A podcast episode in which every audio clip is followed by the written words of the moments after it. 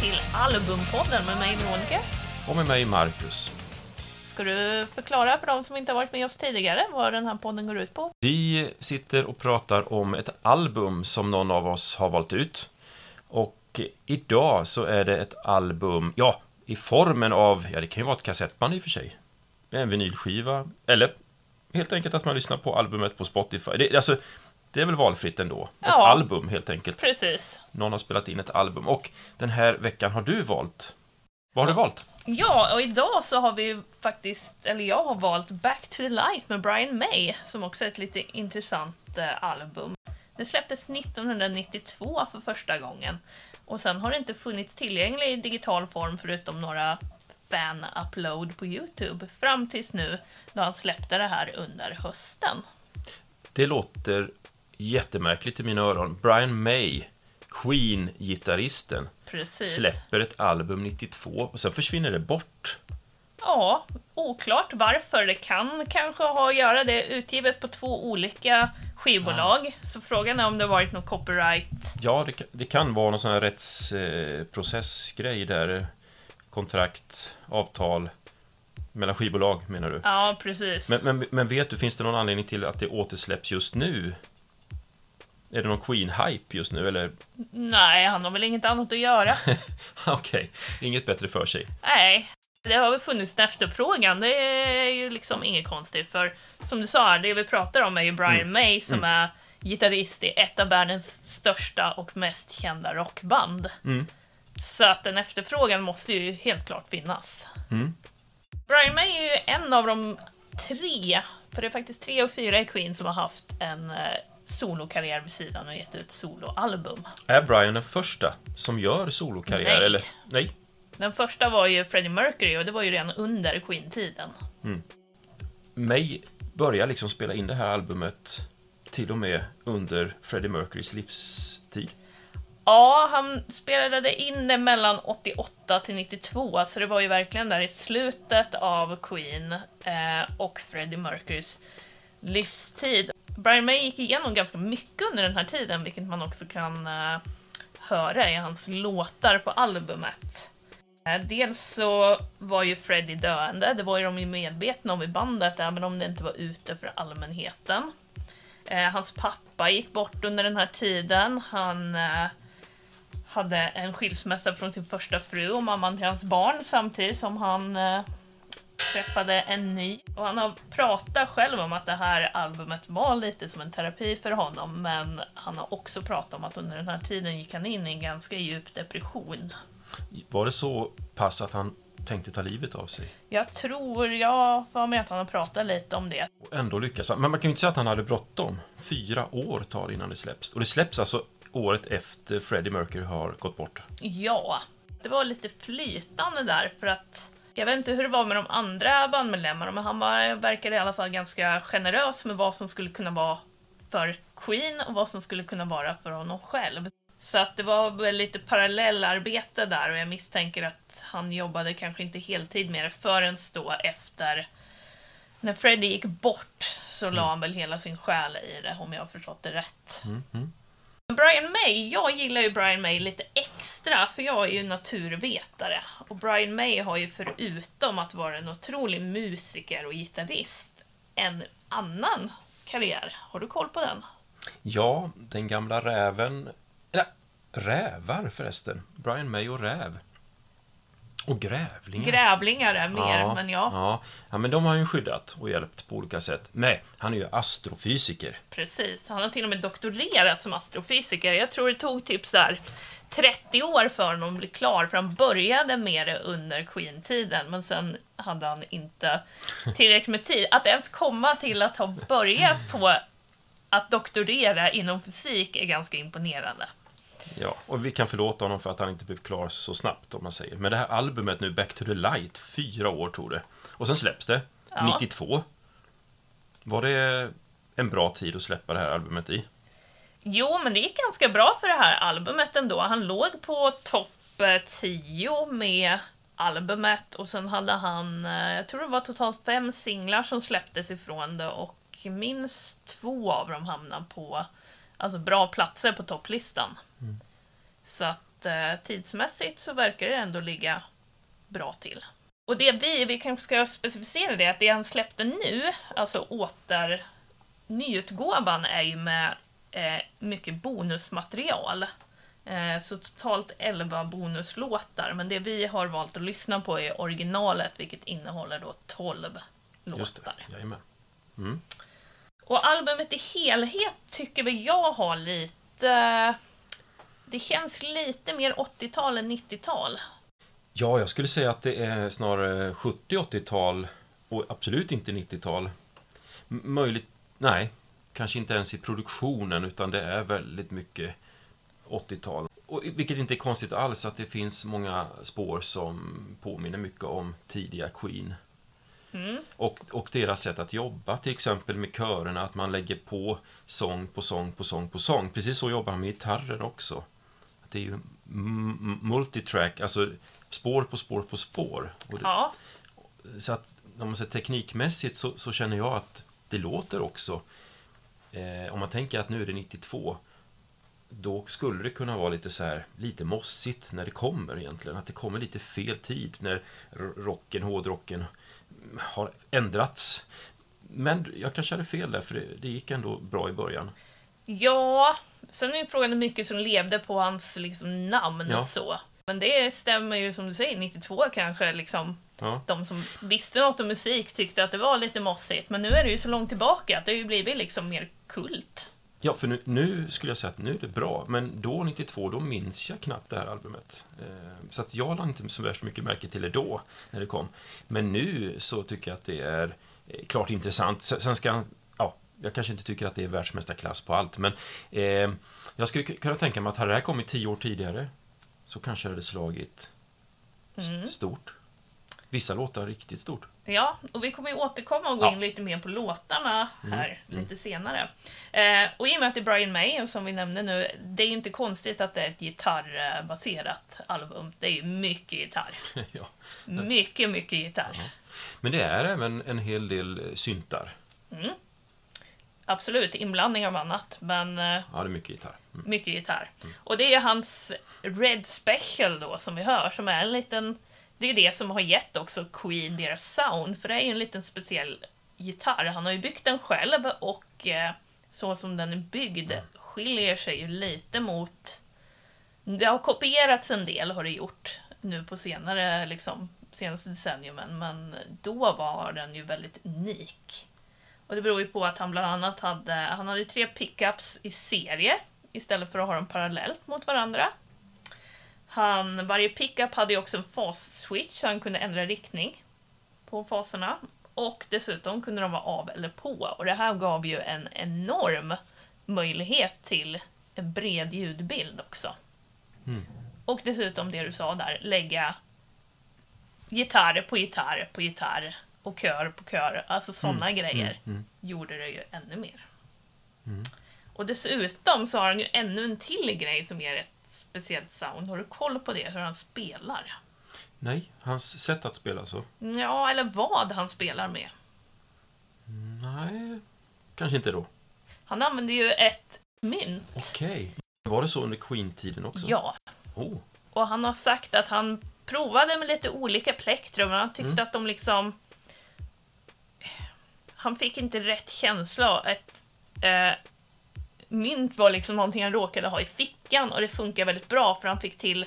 Han kände verkligen då vad han gjorde. Samt att inte har en räfflad sida, vilket Mhm. gör att du kan få en lite intressant ljudbild om du spelar med den. Just det. Kul. Ja, det var bra. Men sen måste vi också prata lite om de musiker som spelar med honom. För det är ju inget liksom bottenskrap han har dragit med sig, utan tvärtom. Mm.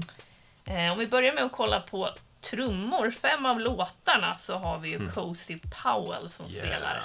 Det är coolt. Ja, men det är stort. Eller han, han, han är ju en stor trummis under 80-talet. Precis, så han har ju spelat bland annat i Whitesnake, Mm. Rainbow och Black Sabbath. Ja, precis. Och ja, vi kommer tillbaka till låtarna som sagt. Men jag hör ju väldigt mycket Whitesnake. Sa du Def Leppard? Nej, det Nej. där är en helt annan trummis såklart. Det vet jag ju. Förlåt mig. Men, ja, men eh, jag, ja, jag kommer tillbaka till det sen. Ja, Jag hör väldigt kom- mycket det där soundet. Precis. Det är cozy. Och på bas så har vi två stycken. Eh, Gary Tibbs spelade på tre av låtarna och han har ju spelat i Adam and the Ants och Roxy Music. Så han är ju ingen liten person heller. Och sen har vi Neil Murray som har spelat två låtar och han hänger ju lite ihop med Cozy Powell där. Han har ju spelat i Whitesnake och eh, Black Sabbath. Ja. Och sen har vi, och han spelade bara lite extra keyboard då, men Don Airy. Och han spelar ju sedan 2002 med ett ganska stort band, Deep Purple. Och han har även hunnit med att spela med många av de stora engelska rock och metalbanden vid olika tillfällen under sin karriär. Mm. Så det är också ganska stort. Men frågan är om det är det här, alltså, är, vill han ha, för det är ganska, det är ett rockigt album, det är, går ju mot hårdrocken stundvis. Det gör ju även Queen ibland, alltså de blandar ju så väldigt mycket genre. Men det är det Brian May vill ha uppenbarligen då när han plockar in Cozy Powell på många låtar och eh, Neil och, och de här musikerna. Det, det, han vill ha tyngre sound. Ja, eller om det kan vara som så att det är liksom sådana musiker han har lärt känna och vet att de Mm. gör ett bra jobb. För jag tänker om man själv har spelat i den genren så är det väl sådana man lär känna bäst. Jag vet inte riktigt. Mm, mm. Om vi då ska börja gå in på låtarna då. Alla låtar är ju skrivna av Brian May förutom en som faktiskt är en cover. På eh, hans eget band. Nej, nu Nej. har jag fel. Nej, berätta. Eh, Rollin' Over är en cover från bandet Small Faces. Jaha, okej. faktiskt. Mm. Mm. Vilket, eh, alltså den bländar in ganska bra, så det är inget man direkt så här känner om man inte har koll på bandet eller Mm. läser på. Ja, den, enkelt. den bommade jag. Eh, small Faces, det får jag ta ikapp sen efteråt då. Eh, har du lyssnat på skillnaden? Är, är Mays cover bra? Ja, men jag tycker absolut att han gör den rättvisa. Eh, det tycker Mm. jag. Sen är det också intressant, för det har vi pratat om i början med att han gjorde det här lite parallellt med Queen och var lite så Mm. här generös med låtarna. Det var ju egentligen två låtar som skulle varit med på det här Mm. albumet, men efter att Brian hörde Freddie sjunga dem så blev de istället att de kom med på Queens Innuendo. Och det var Headlong och I Can't Live With You. Okej. Så de två skulle egentligen varit med. Too Much Love Will Kill You släpptes ju faktiskt även med Queen sen, men först 1995. Mm. Men då är det Freddie som sjunger större delen av låten. Och anledningen till att det dröjde så mycket här vet jag säkert att det var med kontrakt och copyright och allt det där. För att Queen hade ju kommit överens om att alla låtar som var på deras album skulle vara skrivna av bara Queen och Just den här blev ju inte riktigt det och därför dröjde det innan den släpptes. En deal som man bestämde sig för när Freddie bar på sina bara knän om att få återförenas och göra Live Aid-spelningen. Efter han hade lite ditchat dem för att Ja. en solokarriär. Ja, ex ja, exakt. Och, och då alla låtar är skrivna av Queen. Mm. Ja, Oavsett vem som har skrivit dem. ja, just det. Är det också det att Brian May får kritik för sin sång?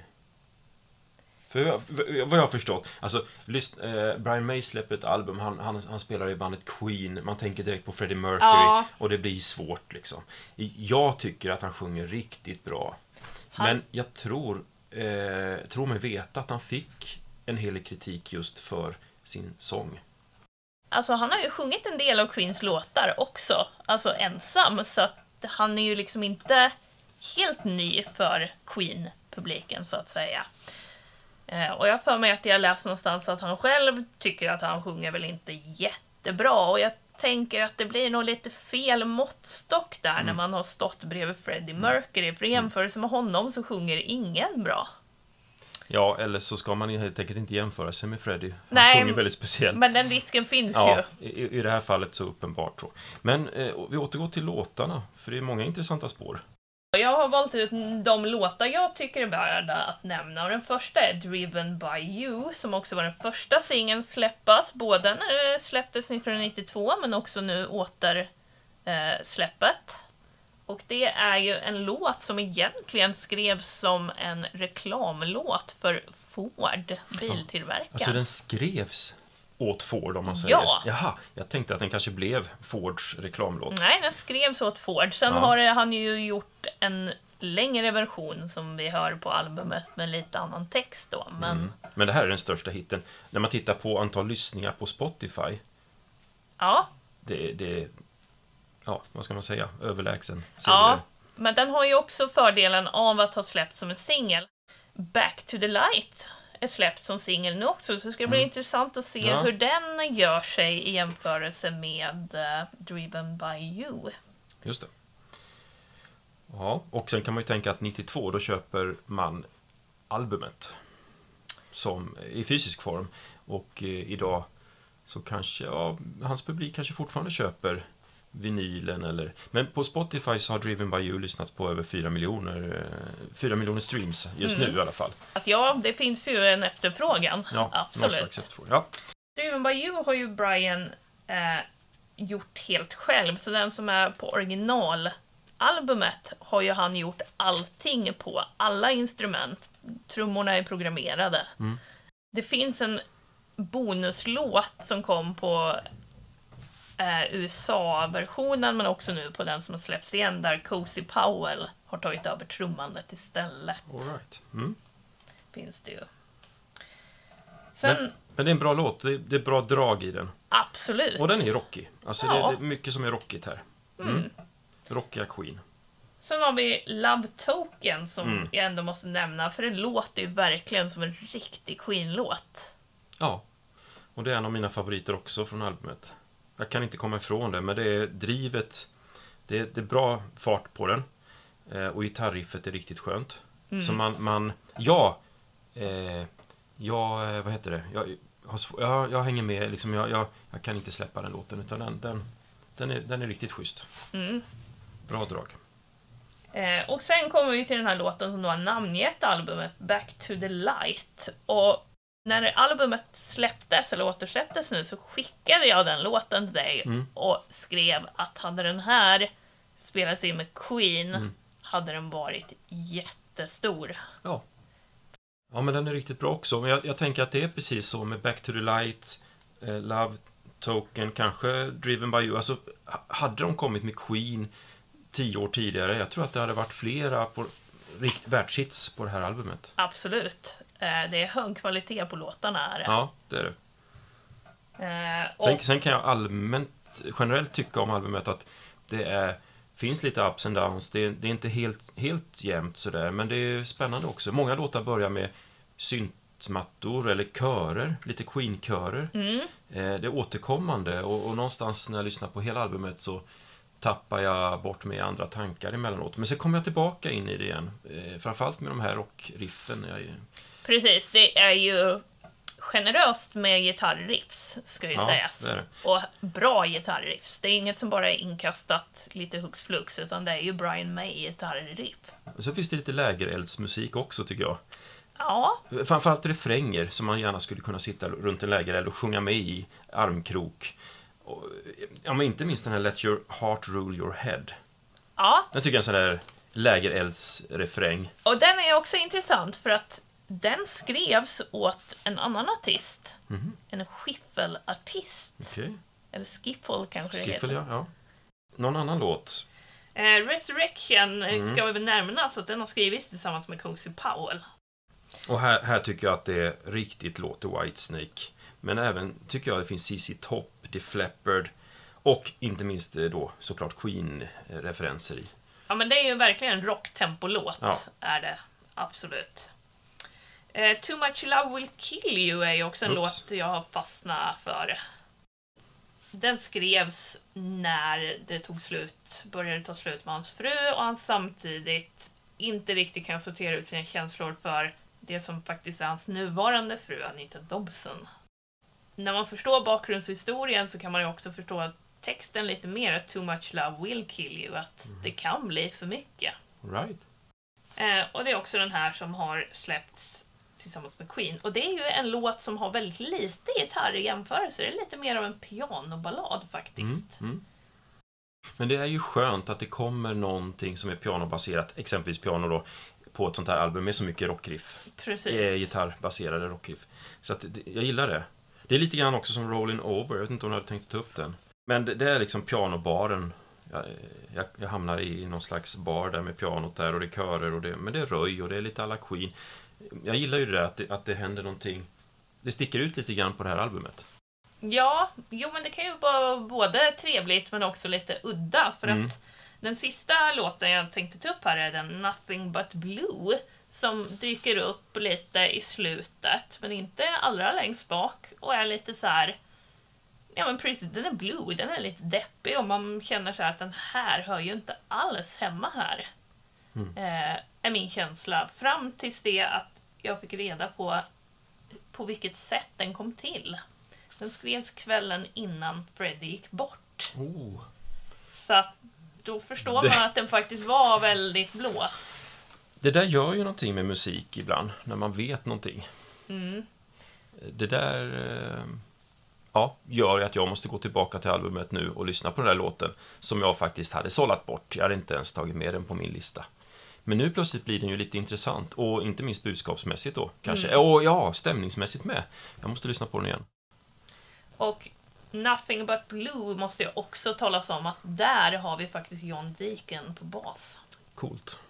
Eh, han har ju inte velat varit så mycket med i Mm. saker som har med Queen att göra efter Freddys bortgång. Så att det Mm. är ganska det är ganska talande att han valde att vara med och spela på den, tror Mm. jag.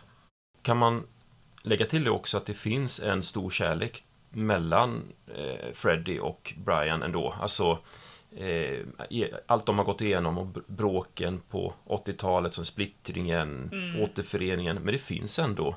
När man tittar på Bohemian Rhapsody så, så kan man ju ana att de inte alltid gillar varandra. Precis, men jag tror att det också var lite att de mognade där och sen när det blev så mycket på allvar så... Ja, och Freddie kom verkligen tillbaka och bad om ursäkt. Skulle du rekommendera att köpa, lyssna? Definitivt lyssna. Eh, absolut. Det här var, eh, det var du som plockade fram det här albumet. Jag hade inte eh, jättekoll på det, jag hade glömt bort det. Eh, jag tycker att det här var jättekul att få lyssna på det. Och eh, fick som sagt vibbarna till, tillbaka till 70-80-talet och rocken där och även Queens historia. Så att eh, jag tycker det verkligen är lyssningsvärt. Sen tycker jag kanske då att det är lite eh, Ja, låtarna är det, det, det är upp och ner och mittemellan där. Ehm, så är det ofta med album. Men det finns riktigt bra spår. Det gör det. Och inte minst om man är lite nostalgiskt lagd. Ja, precis. Och det här är ett album som funkar både om man gillar Queen, eh, för att det finns några låtar med Queen-känsla, men det är också ett album som kan stå på egna ben, för att Brian May är en otrolig musiker. Och det vi var inne på lite förut, han kan sjunga riktigt bra. Ja, Men det är svårt att hamna lite i skuggan av Freddie, så att det är också mitt tips. Lyssnar ni på det här, försök tänka bort Freddie och se Brian May Det som en Brian. egen artist. Ja. Life of Brian. Härligt! Ska vi tacka för oss? Ja, Och och återkommer. Ja. välkomna tillbaka. Tack Vi för hörs. oss. Hej då! Hej!